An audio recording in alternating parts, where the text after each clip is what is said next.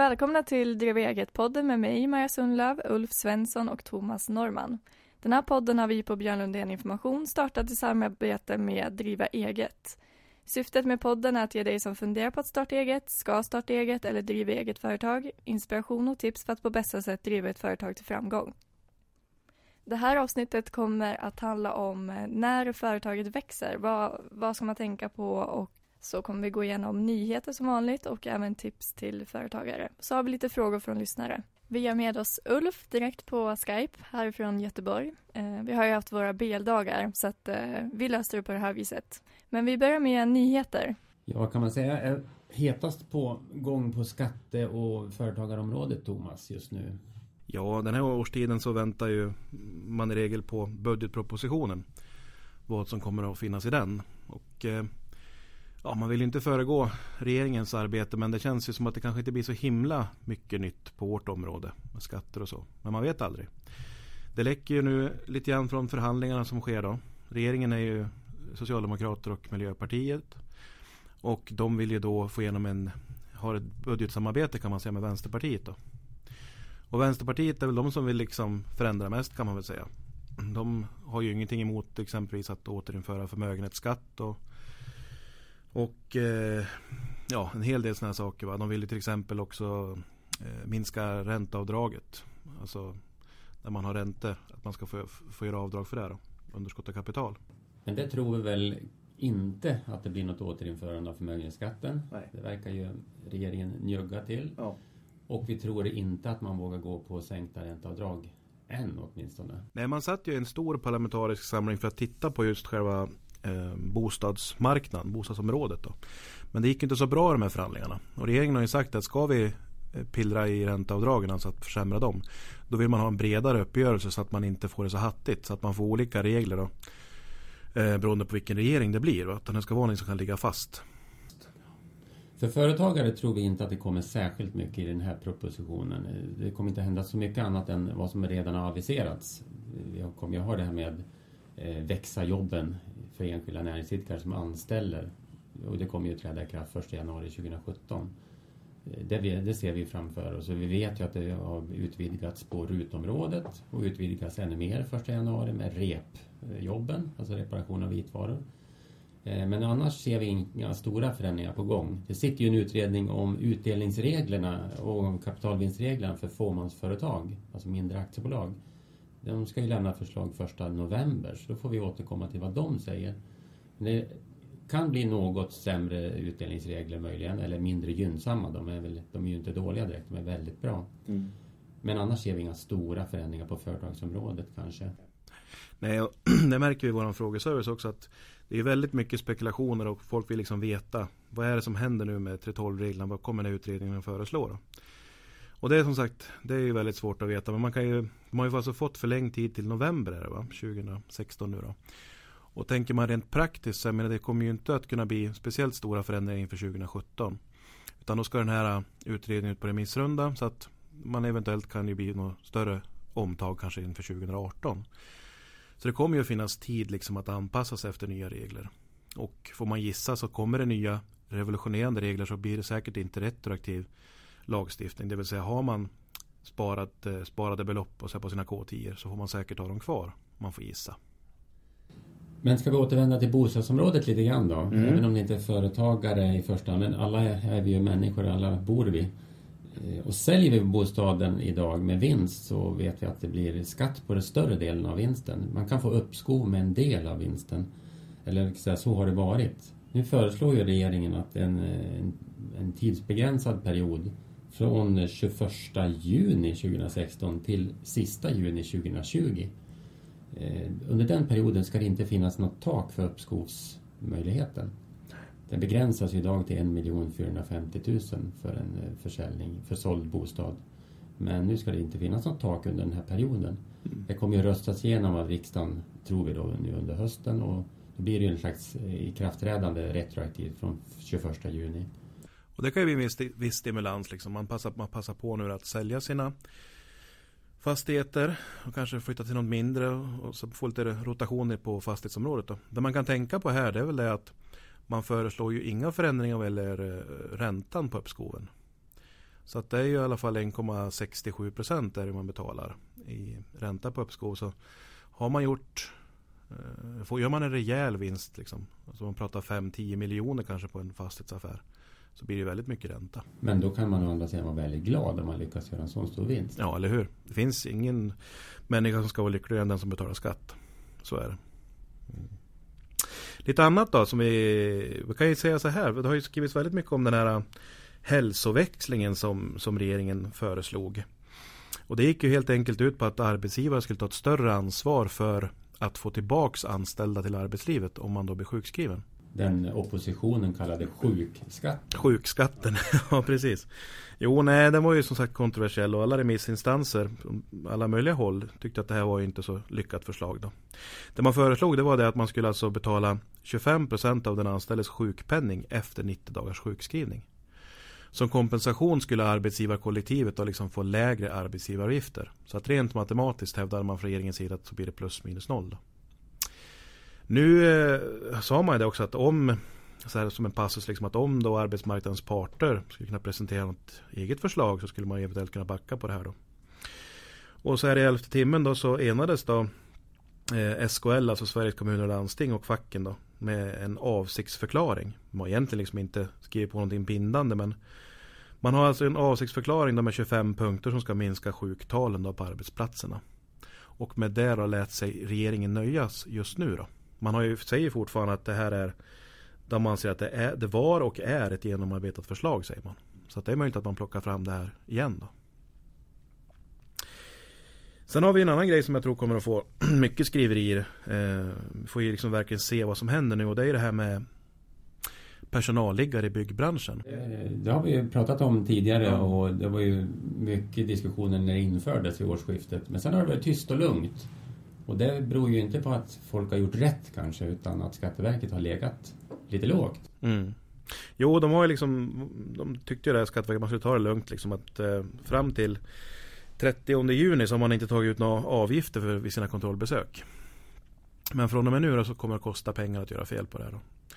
Och som vi har berättat tidigare så är det här ett delat ansvar då mellan både byggherre och eh, byggföretagen. Då. Så att eh, gör man rejält fel på det så blir det väldigt mycket avgifter som ska betalas in. Då. Vi gissar väl att de som jobbar inom byggbranschen är ganska orienterade. Men det är väl byggherrarna det sitter mycket i. Ja. En bostadsrättsförening eller någon annan ska bygga och hamnar i det här ansvaret utan kanske känna till reglerna riktigt. Precis, för de som har haft eh, personalliggare sedan tidigare. Restaurang och frisörer och sådana, tvätterier. De vet ju liksom, då är det verkligen de som ska sköta det. Om till exempel ett företag i Näsviken, säger Björn Lundén Information, skulle bygga ut så tycker de kanske inte att man är en del av som ett byggföretag att liksom det här med personalliggare inom byggbranschen berör oss. Men det är liksom vi som egentligen är ansvariga för att det här kan skötas va? eftersom vi då blir byggherrar. Så att det är, är mycket spännande. Så det var väl de eh, nyheter som eh, vi vill ta upp just nu. Va? Jag kan nämna lite kort på det, är det att Regeringen har ju också nu eh, sagt åt Bolagsverket att nu får ni faktiskt ta och titta på det här med hantering av årsredovisningar. Det är ju faktiskt 2016 nu och allt ska kunna skötas digitalt. Då. Så man har ju man gett nu Bolagsverket i uppdrag att eh, ta fram ett system så att man ska kunna skicka in årsredovisningar digitalt. Det kan man alltså inte idag. Allting ska ske på papper. Och det, det kanske är anmärkningsvärt i sig att man inte kan göra det digitalt idag. Men det här är ju i framtiden också. Det här uppdraget ska alltså slutredovisas, har man sagt, då, 31 mars 2018. Eh, och då ska det ju sen liksom beslutas om införande och sådana saker. Så att kanske 2019 möjligen. Har vi någon digital lösning? Och lite trögt. Skatteverket har kommit lite längre. Mm. Och det är en viss del av Bolagsverkets verksamhet också. Man kan ju registrera väldigt mycket, sköta väldigt mycket digitalt via verksam.se via BankID, e-lägg, mm. direkt på Skatteverkets hemsida och så vidare. Och allt mer går ju mot det digitala. Att man vill kunna sköta allting i sin mobil, till exempel i en app. Eh, vi har ju själva ett antal sådana tjänster, digitala företaget och sådär. Så att eh, vi tycker väl att det borde skyndas på det här med digital inlämning även av årsredovisningar. Det är ju märkligt att det ska dröja så länge. Men mm. det, vi är på väg i alla fall. Nej, och sen händer det ju jättemycket inom det här området. Då. Vi har ju framförallt från som är yrkesverksamma inom redovisningsbranschen. Annat, så, så är det betydligt mer än så här att hålla ordning på. Och är man intresserad av det så kör vi våra skattedagar nu runt om i Sverige med början i november, slutar i januari. Och det är liksom från Malmö upp till Umeå kommer vi att köra i år. Så det är bara att kolla på vår hemsida och anmäla till en skattedag så kan ni få sex timmar läckra skattenyheter. Bara en sån sak. Bara en sån sak. Men du, det ryktas om en höjd äppelskatt. Äppelskatt, ja men det är ju faktiskt häftigt. Man har läst om nu i tidningarna här. med stora drakarna jobbar. Det, man har ju alltså lockat företag till olika länder. Man har etablerat huvudkontor där med eh, löfte om låg beskattning. Irland har ju varit ett sådant exempel. Sen har då företagen kommit dit och sen så här i efterhand så har man ju då från EUs håll kommit fram till att det här är så här låg skatt får man inte ge. Det här är alltså ett otillåtet gynnande. Och det är just nu på tapeten är ju Apple alltså som har betalat, vad, vad var det, 0,03 procent i skatt eller något liknande. Det var minimalt skatt i alla fall. Ja. ja, det är enorma belopp som de är skyldiga nu då till. Och då är det ju så fiffigt va, att de här, man kan tycka kanske, om man ser ur Apples synvinkel, då, de är ju lovade en jättelåg beskattning. Lägger huvudkontoret på Irland. Och sen så får man då betala in pengarna retroaktivt då, till irländska staten. Så att det är ju det är ganska fiffigt av länderna att locka dit företag och sen får EU säga åt dem att nu är ni skyldiga pengar. Men om man bortser från de där avarterna, liksom att verkligen skattedumpa. Så inom EU åtminstone, i S-området, ska det ju inte få förekomma är det tänkt. Det är därför de blir straffade också nu. Ja. Men visst kommer vi väl eh, antagligen att se en viss, eh, ett visst skatterace neråt i bolagsskatt. Det tror vi. Storbritanniens utträde ur EU kan ju leda till lägre bolagsskatt där. Och det kan ge ringa på vattnet att fler vill följa med neråt. Sen får vi se hur lågt det går. Mm. Skatteverket har ju föreslagit att svenska bolagsskatten borde ligga på 15 procent. Vi har 22 idag och vi tycker 22 är väldigt låg. Mm. Ja, vi, det har vi pratat om tidigare. Vi trodde att det skulle bli ett race. När vi sänkte till 22 att det här var liksom bara första steget skulle gå raskt ner. Men sen har det faktiskt inte hänt så mycket på den här fronten. Då. Det är lite kul med skatteregler också med EU-rätten. Vi fick ju faktiskt, om man tittar på aktualiteter också, Förvaltningsrätten i Stockholm har ju kommit på att två stycken skatteregler i Sverige strider mot EG-rätten. Så får vi alltså inte göra. Och ett är just det här med bolagsbeskattning. Då. Det var ett cypriotiskt bolag eh, som ville då, ägarna var ju i Sverige. Och ville då att eh, man skulle göra en fem sjättedels kvotering utav vinsten. Enligt de svenska reglerna. Skatteverket nekade den kvoteringen och sa att ni har inte betalt skatt på, rätt, ja, på, ett, på ett vettigt sätt. Va? Man betalar typ 10% i bolagsskatt i Cypern. Men förvaltningsrätten kommer fram till att man får alltså inte ha särskilda nationella regler som diskvalificerar andra bolag. Så att eh, ja, det är på gång på många olika nivåer där. Mm. Vi lever i ett större sammanhang nu för tiden. Mm. Världen är större än Näsviken där vi bor.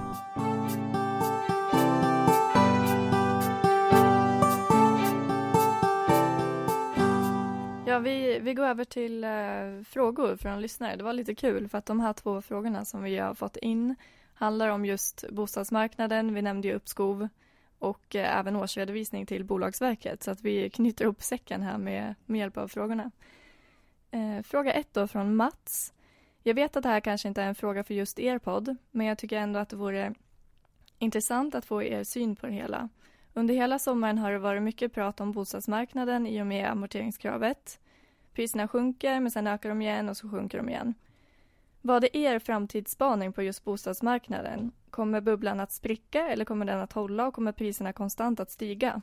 Det var ju en fråga. rejäl fråga. Ja, men då blir det ju väldigt här, lite personliga gissningar nästan. Mm. Då. Eh, bubblor spricker ju alltid, men det är inte säkert att det är bubblor överallt i ett land. Alltså Sverige består ju av många olika delmarknader, tror jag. Eh, en innerstad, innerstorstad, är alltid en innerstorstad. Där, eh, det är trångt där liksom och många vill dit. Det kommer för alltid, om jag får gissa rätt, hålla uppe priserna mer eller mindre. Ytterområden ute på landsbygden, det är en annan sak. Där kan det svänga kraftigare. Mm. Jo, och det är ju så här just det här med bubblor. Jag menar, man tittar historiskt på det här. Alltså liksom första bubblan som, som vart, det vart ju spekulationer om tulpanlökar på 1600-talet, liksom Holland.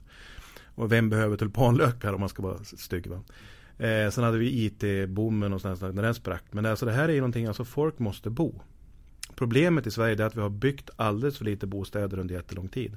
Och prognoserna nu som visar liksom vilka enorma tillskott vi behöver. Det, det, finns, finns inte en chans att vi hinner bygga kapp. Liksom. Så det, eh, det, är ju en sätt att se på det. Då.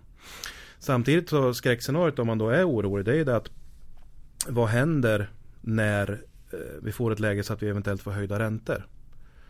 Får vi höjda räntor nu då kommer ju ganska många som inte har så stora marginaler idag inte att orka med sina eh, räntor till banken på, på lånen.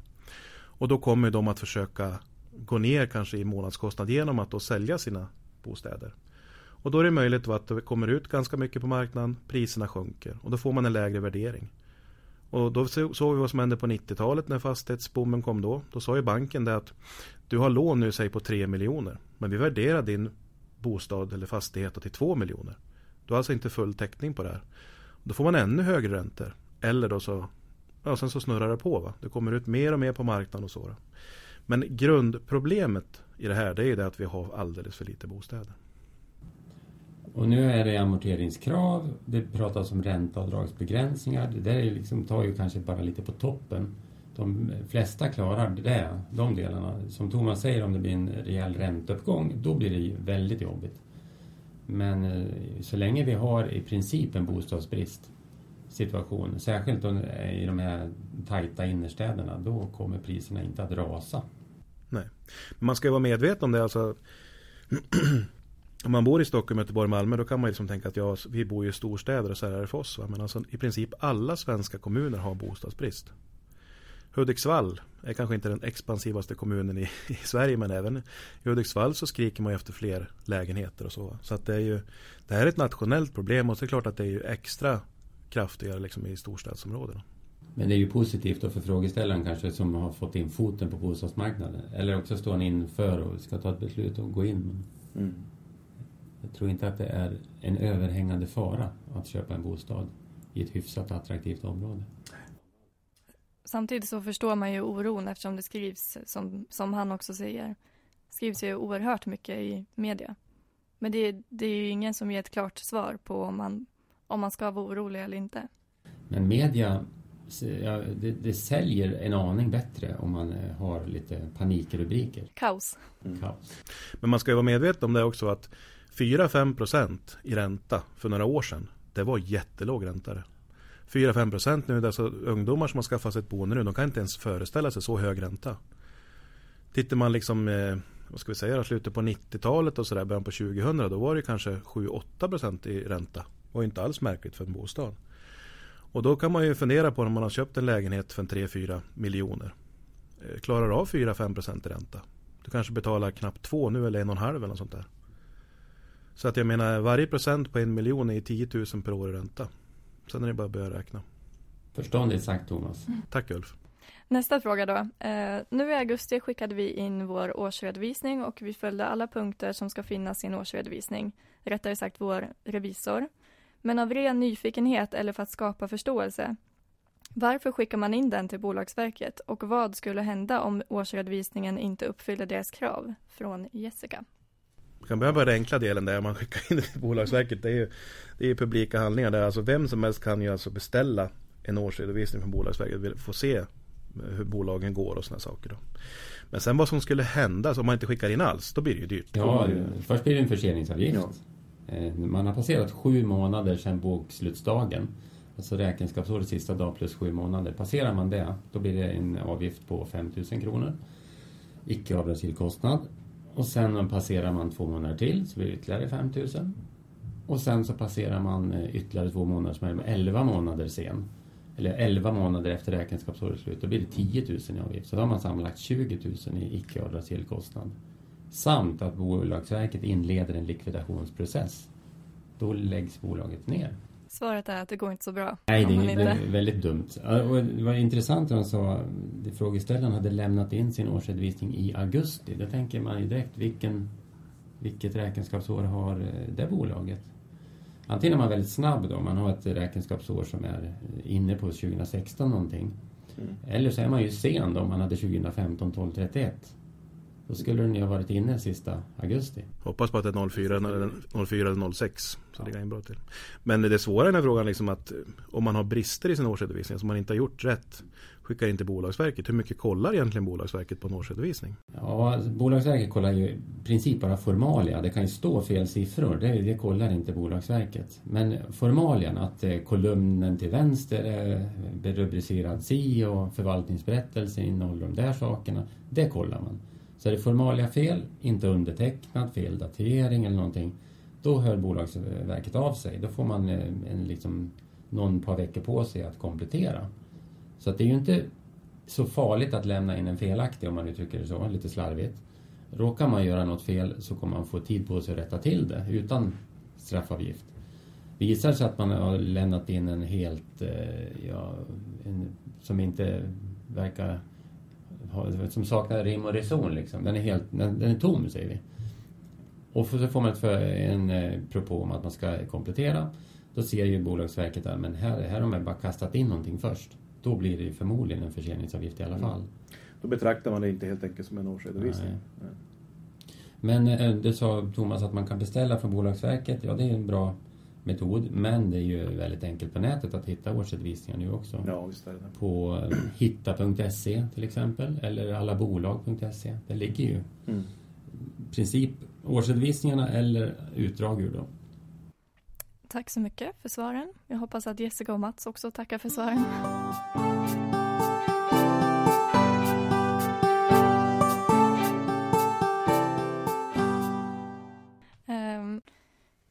Jo, när, när företaget växer är ju lite diffust ämne egentligen, eller tema på podden. För att det kan ju handla om när man ska anställa sin första personal, som man är två stycken totalt, eller så handlar det om när man går från 50 anställda till 75, vad man ska tänka på då. Men jag tycker att vi börjar med det enkla, när man ska anställa sin första personal. När ska man, när, när bör man anställa sin första? Finns det någon riktlinje så? Och vad ska man tänka på när man ska anställa sin första? Vi kan ju börja med att det finns ju alternativ som många använder, att man eh, lejer in andra entreprenörer, alltså andra företagare. Man samarbetar. Eh, det finns ju uthyrningsföretag, personaluthyrning, det finns den här typen av faktureringsbolag, alltså där man eh, inte driver eget företag utan lejer någon att fakturera så att man, man pratar om egenanställning. Så det finns ju fler alternativ idag kan man säga än tidigare. Men anställd personal har man ju mest kontroll över och förmodligen i de flesta lägen blir det lägst kostnad. Mm. Eh, dock för det med sig en del ansvar då. Det är det som många väljer att bort genom att leja in eller hyra in. Leja in eller hyra in. Men sen är det så också att liksom, när man ska ta liksom steget, man, säljer man sin egen tid, säljer man tjänster alltså. Ska man kunna gå vidare och växa, då måste man ju våga också. Det finns ju, om man är, jobbar bara själv i sitt bolag, så man har ju bara sin egen tid att sälja. Och ska man då kunna växa, då måste man ju våga lite. Man måste ju ha en viss överkapacitet, om dock liten i början, va, för att kunna ta på sig nya jobb och sådana saker. Och kunna räkna på jobb och sådana saker. Om man bara jobbar för att liksom hålla det värsta borta, hålla näsan ovanför vattenytan, då går det inte att växa. Men visst, man kan ju tänka sig att man hyr in en underentreprenör och så. Då. Grejen är att då hyr man ju oftast in en annan företagare som är själv van att ta jobb och då kanske man tappar jobb till en sån. Då. Men anställa idag, det är liksom det är ju väldigt flexibelt. Om vi då antar att man då inte har ett eh, omfattas av ett kollektivavtal. Då. Man behöver inte ha kollektivavtal eller hängavtal. Däremot om ett eh, fackförbund vill förhandla om kollektivavtal så måste man alltid förhandla som arbetsgivare. Då. Men det finns ju som sagt möjlighet idag att utan någon som helst anledning göra en tillfällig anställning. Tidigare så måste man ju ha liksom en grund för, egentligen för att man ska kunna göra en tillfällig anställning. Men nu finns det något som heter allmän visstidsanställning. Och där kan man då anställa hur många som helst. Och eh, kortaste anställningstiden där det är ju en dag. Och en sån här anställning då får max pågå under två år under en femårsperiod. Så att det är liksom just den där flexibiliteten att man kan ha väldigt korta anställningar och väldigt många. Den finns idag på svenska arbetsmarknaden. Sen är det ju den här delen av bollen som Ulf pratar om här. Då, just det här med ansvar då förstås. Man omfattas ju av LAS i regel som, som anställd.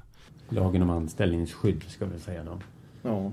Plus semesterlagens regler, du har arbetsmiljölagens regler, an, eh, arbetstidslagen, sjuklönelagen. Så det är mycket som träder in.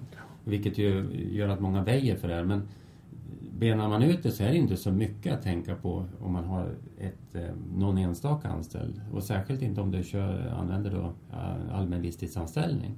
Där då anställningen blir avslutad. Då har man ju en enklare, du kanske inte ens kommer in i sjuklönesystemet för att det är så kort anställning. Du kan betala ut semesterersättning när den personen slutat, alltså direkt i princip. Eh, du, kommer, du har såklart arbetsmiljöregler. Men lagen om anställningsskydd är också ordnad och du har ju valt anställningsform och du ser bara till att, eh, att informera den anställde om vad som gäller och sen avsluta på korrekt sätt. Och då, då är det inget problem. Och har man ett aktiebolag idag så kan man ju säga att även alltså skattemässigt så gäller ju faktiskt arbetslinjen där också som förra regeringen lanserade så hårt. Va? Har man anställda så, och du tar ut en schysst marknadsmässig lön själv, liksom, det ska man ju alltid göra först, första hand. Om man vill, vill ha ut mer ersättning, liksom, man vill ha ut, tjäna mer pengar på sitt arbete. Då ska man ju ha anställda så att du kan använda löneunderlagsregeln. som fåmansföretag. Va? Rent teoretiskt liksom så halva löneunderlaget, alltså hälften av lönerna som du betalar ut kan du även alltså ta ut själv sen i utdelning eller spara det beloppet på en K10. Så har du löner på två miljoner så kan du själv ta ut en utdelning på en miljon. Man gynnas väldigt mycket i utdelningsreglerna om man har anställda. Mm. Då har man det är när man växer lite, lite mer då. Men, eh, och nu vet vi från 1 januari 2017 kommer ju det här eh, växa jobben. Alltså eh, när en enskild näringsidkare anställer. Så kommer man få lägre socialavgifter där. Och det kommer att gälla retroaktivt. Det gäller ju anställningar redan från idag faktiskt. Så att man inte ska få några inlåsningseffekter. Mm. Eh, men just det att man gör ett, eh, det man ska tänka på, det viktigaste är att göra ett korrekt anställningsavtal. Eller det, det rekommenderar vi starkt att man gör ett anställningsavtal, även om det är korta visstidsanställningar, även om det är för en dag. Så se till att ha ett standardavtal. Det finns ju sådana, vi, vi tillhandahåller ju sådana till exempel. Mm. Det kostar ju liksom ingenting, 99 kronor. Då har du ett eh, legalt robust avtal som det kan användas som mall gång till gång. Och sen har du ju de här enkla semesterlagens regler med 12% semesterersättning på intjänad lön som ska betalas ut när de har slutat. Mm. Ja, man ska ju veta att presumtionen inom svensk arbetsrätt, alltså har man, kan man inte visa något annat avtal, då har man ingått en tillsvidareanställning. Och det är alltid arbetsgivaren som anses vara den starkare parten. Och då har man också den starkast bevisbördan. Liksom. Så att just ett skriftligt anställningsavtal det är ju, det är ju liksom ett måste, det skulle jag vilja säga. Om man, inte, man tänker sig att det här ska ju bli en tillsvidare, eller det ska bli under längre tid. Och det med allmän visstidsanställning är ju inte riktigt det vi är ute efter, utan det ska ju rulla på om det går bra. Mm. Då kan man ju ta till provanställning. Ja, visst. Jo, det är också väldigt bra och enligt lag så är det ju upp till sex månader då kan man ha någon provanställd. Man ska ha ett, man ska ha ett behov att att prövas. Man får inte ha haft någon den personen anställd tidigare på samma jobb. Liksom. Och sen ska faktiskt syftet vara också att man ska tillsvidareanställa. Så att ingår man en provanställning, då är tanken att man ska eh, tillsvidareanställa om det går bra. Då. Det man kan tänka på som arbetsgivare här, det är att en arbetstagare, alltså en anställde, han provar ju också sin arbetsgivare. Så att en anställd kan ju alltså gå hem samma dag. Han säger att nej, det här var ingenting för mig. Tack och hej, nu går jag hem. Och sen sitter man där som arbetsgivare och saknar en anställd. Och vill arbetsgivaren bryta det här, ja då har man då 14 dagars kan man säga uppsägningstid. Då. Man ska ge ett besked 14 dagar i förväg. Så provanställning kan vara högst 6 månader. Man måste säga till 14 dagar i förväg för att den inte ska förlängas till en visstidsanställning eller gå över till en.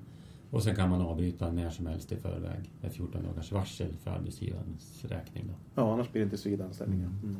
Eh, så att vi vill slå ett slag för allmän visstidsanställning och provanställning om man vill testa att växa.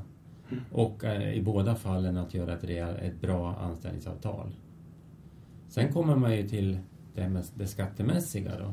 Om man har anställt någon och betalat utan lön, vad händer då? Ja, då ska man ju lämna arbetsgivardeklaration där man visar preliminärskatteavdrag och arbetsgivaravgifter, betalar in dem månaden efter den här löneutbetalningen. Mm.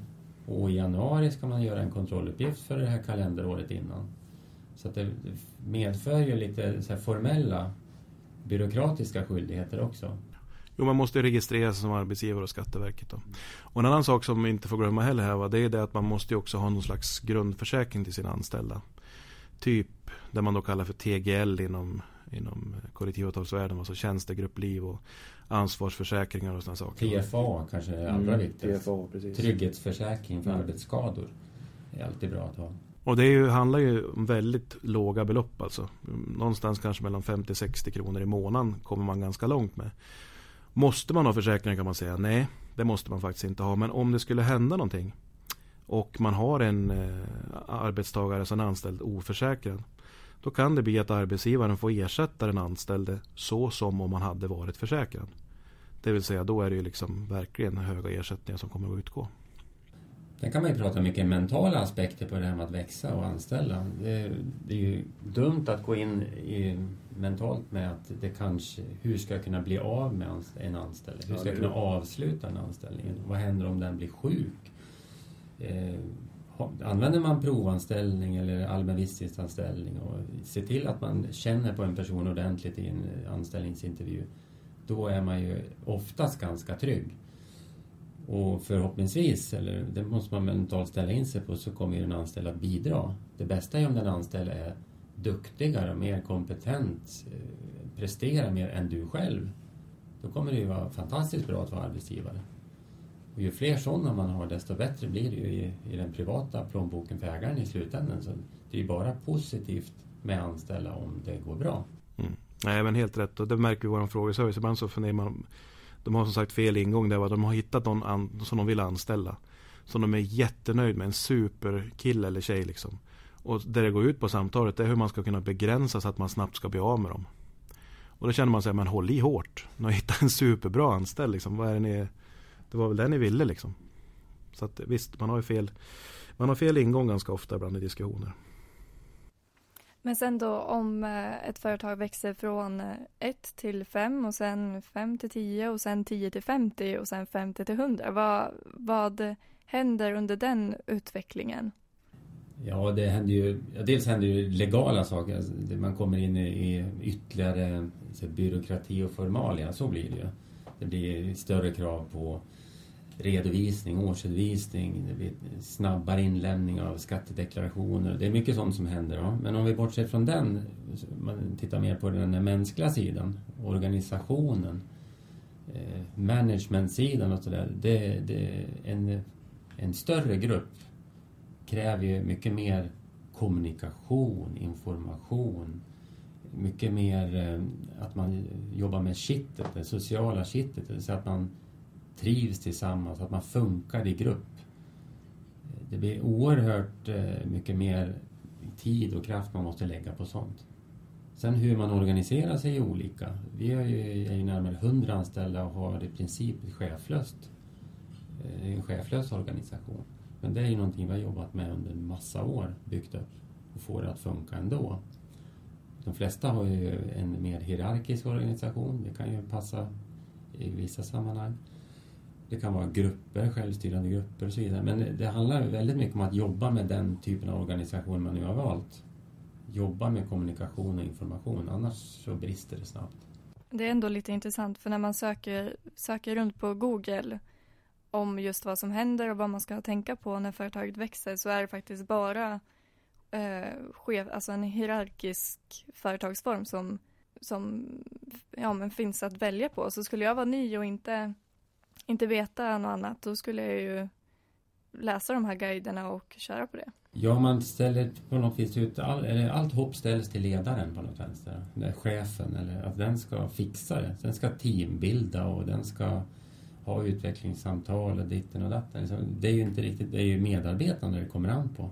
Och för att de ska funka, då måste de känna sig delaktiga och få ta initiativ. Och, så att eh, det, det är säkert ett stort, eh, stort last även för de ledare och chefer som finns i organisationen. Men hierarkin tror jag ställer till det väldigt ofta.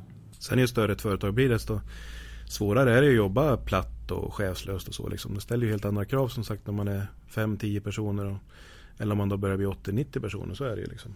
Och det får man ju kanske vara beredd på som, som arbetsgivare också. Liksom att det, det blir på ett annat sätt. Och jag vet inte riktigt men det kanske är så att de här som var, funkar jättebra som du anställde från början. De kanske inte är de personerna som funkar bäst när du liksom har vuxit och blivit ett stort företag. Eftersom det blivit, eh, oftast blir det kanske ett helt annat sätt att jobba. Då. Så är det ju. Finns det ingen mall utan man får hitta sin egen väg tror jag. Mm. Man ska inte läsa de där guiderna allt för noga. Ja, för det finns väldigt många guider faktiskt. Nej, och sen tycker jag om man nu, om det är någon som lyssnar på på det här programmet liksom, som har ett antal anställda. Liksom. Det är också någonting som man kanske som ägare måste fundera på hur stor vill jag bli. Liksom. För att man kanske tycker att det är jättelajban att driva företag när man är 10-15 personer. Du känner alla anställda jätteväl, du vet vad deras partner heter och hur gamla barnen är och vad de har för bil och, och allting. Va? Det är kanske är en helt annan sak att driva företag om du ska rodda runt en 80-90 anställda. Och hela tiden liksom måste försöka expandera och anställa nya människor. Mm. Men bör man, eh, bör man se över en tillväxtplan vid, no vid något tillfälle? Känns det som ett krav? Det kan ju du ta som är VD för så många olika företag. Mm. ja, alltså, det är ju, man, kan ju, man är olika. Vissa vill ha tydliga mål och strategier och planer. Andra kanske mer lever som det kommer. Och jag tillhör ju de senare, mm. definitivt. Eh, det blir ändå aldrig som man planerat. Utan jag tycker man ska få ha en sån levande plan hela tiden. Och sen, eh, som Thomas säger, man får ju försöka lyssna på försöka i alla fall tänka efter vad, vad vill man? Vill man ha, vill, vill man att det ska bli hundratals, tusentals? Globalt? Eller är det lokalt, litet? Vad vill jag? Liksom? Sen beroende på bransch är det väl också så här att om man växer så kanske man, man kanske behöver få lite ny kompetens. Man kanske behöver någon som har andra kontakter inom branschen än vad jag har. Liksom. Jag kanske jobbar lokalt. Och då kan man ju fråga sig, ska jag, om jag driver ett aktiebolag, ska jag försöka få till en extern styrelse, alltså en riktig styrelse. Alltså inte sin partner och, och sin åldrande mamma eller pappa som sitter i styrelsen, va? som det är i de flesta bolag. De är ju ägarledda liksom. Ska jag försöka få in folk som har en annan kompetens som liksom kan som kan jobba med de här delarna som du säger, då, affärsplaner, hur växer vi, hur vill vi, vart ska vi gå och sådana saker. Va? Så att det är ju spännande hur man ska göra. En extern styrelse eller något bollplank eller ska eh, några, ska det komma in fler ägare? Ska man dela på företaget? Ska jag ta en annan roll? Det är kanske någon annan som passar bättre att eh, sköta det administrativa eller sköta egentligen vd-skapet eller vad det nu är. Det kan ju vara så att jag är en jätteduktig smed. Det vill jag fortsätta med. Fast jag äger företaget så vill jag stå i verkstaden och smida. Mm. Men någon annan kan drifta det liksom, nu när vi har växt till 73 anställda. Liksom. Mm. Många expansiva branscher liksom, där man verkligen får hålla hårt i, i kompetensen liksom, och i vissa områden i Sverige. Då kanske man också ganska tidigt måste fundera på är de här som jag anställt nu så viktiga i företaget så att jag vill försöka knyta dem ännu närmare företaget? Ska de då få som sagt då köpa in sig några procent i företaget eller få ett löfte om det i framtiden via någon slags optioner eller sådana saker. Va? Så att det kan ju också vara saker man får fundera på. Det som man ofta gör ett misstag i, tror jag, är att om man har kommit till den punkten att okej, okay, jag släpper ledningsrollen för att det passar inte mig. Jag var en entreprenör eller jag vill jobba aktivt eller jag vill kanske till och med varva ner lite. Men jag vill ha en viss sorts personalpolitik i företaget. Så här står jag för i företaget. Om då den nya kommer in och ändrar på det, att det gör någon, eh, inför en personalpolicy som är stick i stäv med vad vi är vana vid eller vad ägaren står för, då brukar det braka. Så den delen tror jag man ska hålla kvar ändå som ägare. Man måste se till att jag, som, eh, arbetsklimatet eller arbetsmiljön, jag vill ha det som jag har det även i fortsättningen. Man kan ju säga att det finns många val men man, man får gå, gå till sig själv hur man själv vill göra.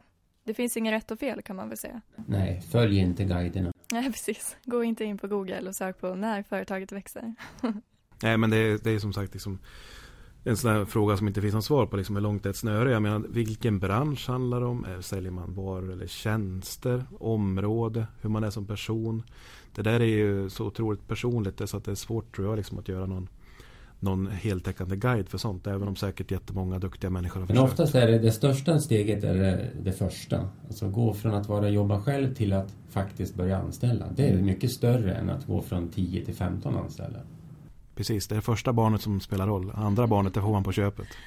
Och Thomas då som har ännu fler. Ja, ja, jo. Uh, vi, vi, går över till nyheter, tycker jag. Eller nej, inte nyheter. Tips till uh, nyföretagare.